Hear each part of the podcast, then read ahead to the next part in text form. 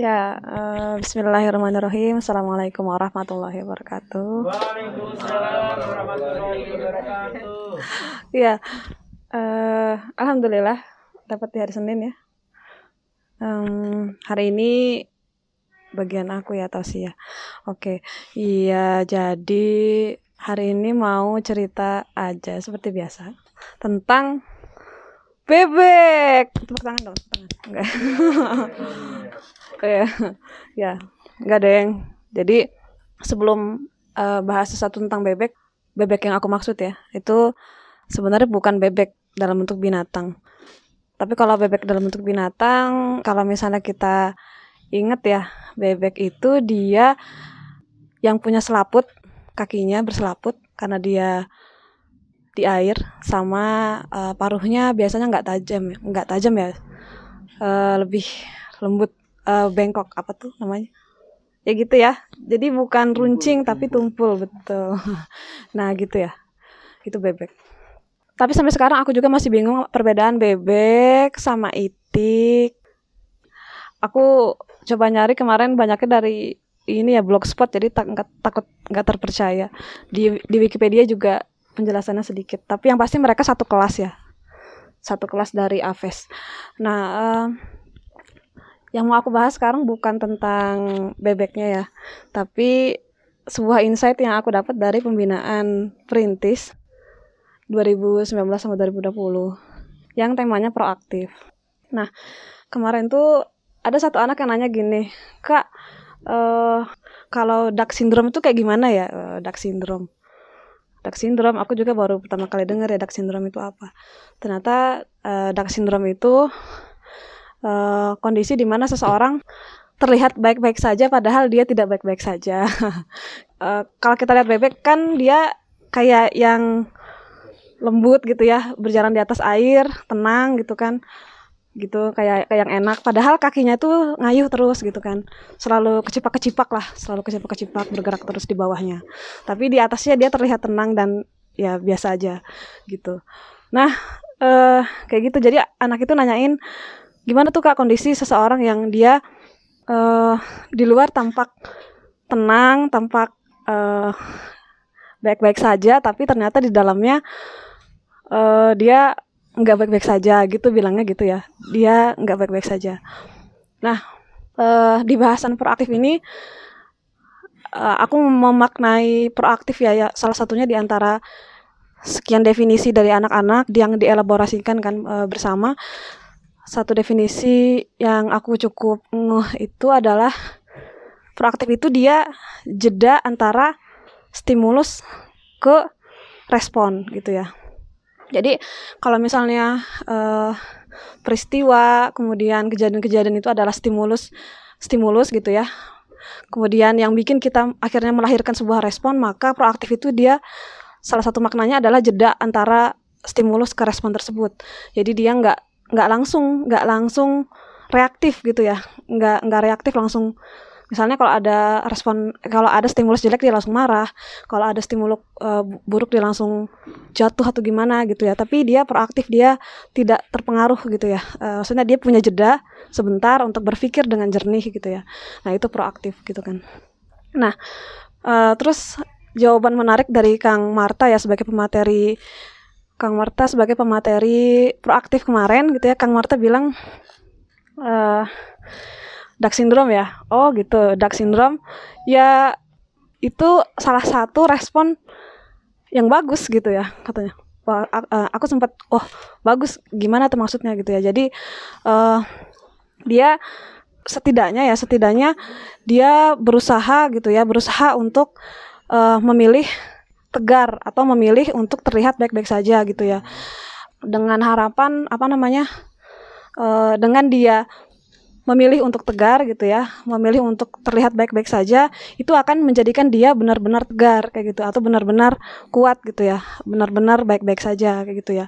Atau kalau bahasa lain yang disebutin anak-anak tuh improve secara gradual gitu jadi dia uh, awalnya di, dia ngerasa uh, apa namanya nggak sanggup nih. Tapi dia memilih untuk terlihat sanggup gitu ya. Nah harapannya dengan dia memilih seperti itu dia benar-benar uh, belajar untuk sanggup kayak gitu. Nah, agak ini sih sebenarnya kalau di pembinaan kemarin uh, beliau mengatakannya dengan kata ini ya pura pura-pura gitu maksudnya. Apakah dark syndrome itu pura-pura gitu ya? Jadi uh, orang yang nggak kuat tapi pura-pura kuat gitu kan ya. Nah kalau aku sih ini ya uh, memaknai pura-pura ini pura-pura itu dilakukan kalau misalnya sebenarnya si orangnya nggak mau orangnya nggak kuat dan dia nggak mau kuat makanya dia pura-pura kuat. Tapi kalau misalnya uh, itu beda sama orang yang nggak kuat tapi dia mau mencoba untuk kuat gitu ya. Nah itu beda sama pura-pura gitu ya. kalau pura-pura dia sebenarnya nggak kuat. Dia cuma pura-pura aja kuat gitu ya tapi dia sebenarnya nggak kuat. Tapi kalau orang yang eh, nggak uh, pura-pura tuh dia uh, apa namanya dia kuat dan dia memang mencoba untuk kuat kayak gitu kan. Nah menariknya kemarin Kang Marta sempat nyebutnya pura-pura sih tapi uh, tetap dia, apa ya di uh, dibawa ke diksi yang positif sih gitu ya semua kemarin dari makna proaktifnya gitu. Jadi uh, intinya sebenarnya nggak apa-apa gitu ya nggak apa-apa kita memilih untuk uh, lihat kuat gitu ya. Nggak apa kita memilih untuk kuat duluan saat kita sebenarnya memang belum kuat gitu ya. Dengan harapan kita bisa jadi lebih kuat dengan memilih respon yang positif tersebut. Kayak gitu. Terus uh, beliau juga sempat menyebutkan tentang kata-kata ini ya uh, apa namanya kata kata-kata dari bahasa Jawa katanya. Nasihat bahasa Jawa uh, tatak tetek sama tutug ya kalau nggak salah katanya. Nah uh, apa namanya uh, tatak itu artinya tegar katanya Kang Marta ya. Aku gak tahu juga karena aku bukan bukan orang Jawa ya. Tatak tetek sama tutuk gitu ya. Nah tatak itu dia tegar. Jadi kalau ada sesuatu dia tatak dulu dia tegar dulu gitu ya. Mencoba untuk tegar gitu kan. Uh, hadapi dulu gitu kan. Uh, tegar dulu lah gitu. Nah terus yang kemudian yang kedua itu adalah tetek tetek itu uh, artinya konsisten gitu ya. Jadi setelah udah mencoba untuk tegar gitu ya, dia konsisten tadi ya uh, ya konsisten gitu, konsisten berusaha, konsisten uh, untuk memperbaiki diri, untuk tetap uh, improve gitu kan. Terus yang terakhir itu tutup gitu ya. Uh, dia akhirnya sampai sampai pada solusi atau sampai pada tujuannya kayak gitu. Nah, aku nggak tahu kak. nah, mungkin ya aku nggak tahu nih. Agak sulit ya aku nggak searching juga sih. Percaya aja sama apa yang disampaikan. Aduh parah ya. Gitu sih. Salah lah pokoknya aku salah lah. Oh gitu ya. Siap siap. Gitu sih paling. Nah ini menurut aku uh, menarik ya menarik dan uh, membuka. Ya udah mood eh ya udah emang nggak apa-apa kok. Gitu kita emang uh, memilih untuk coba ngelakuin apa memberikan respon yang positif dulu gitu ya. Saat kita emang mungkin rasanya belum sampai ke titik itu gitu ya. Tapi uh, harapannya kita bisa jadi apa namanya ya, ya respon yang tadi itu bisa jadi uh, penguat kita untuk jadi lebih baik lah kayak gitu ya.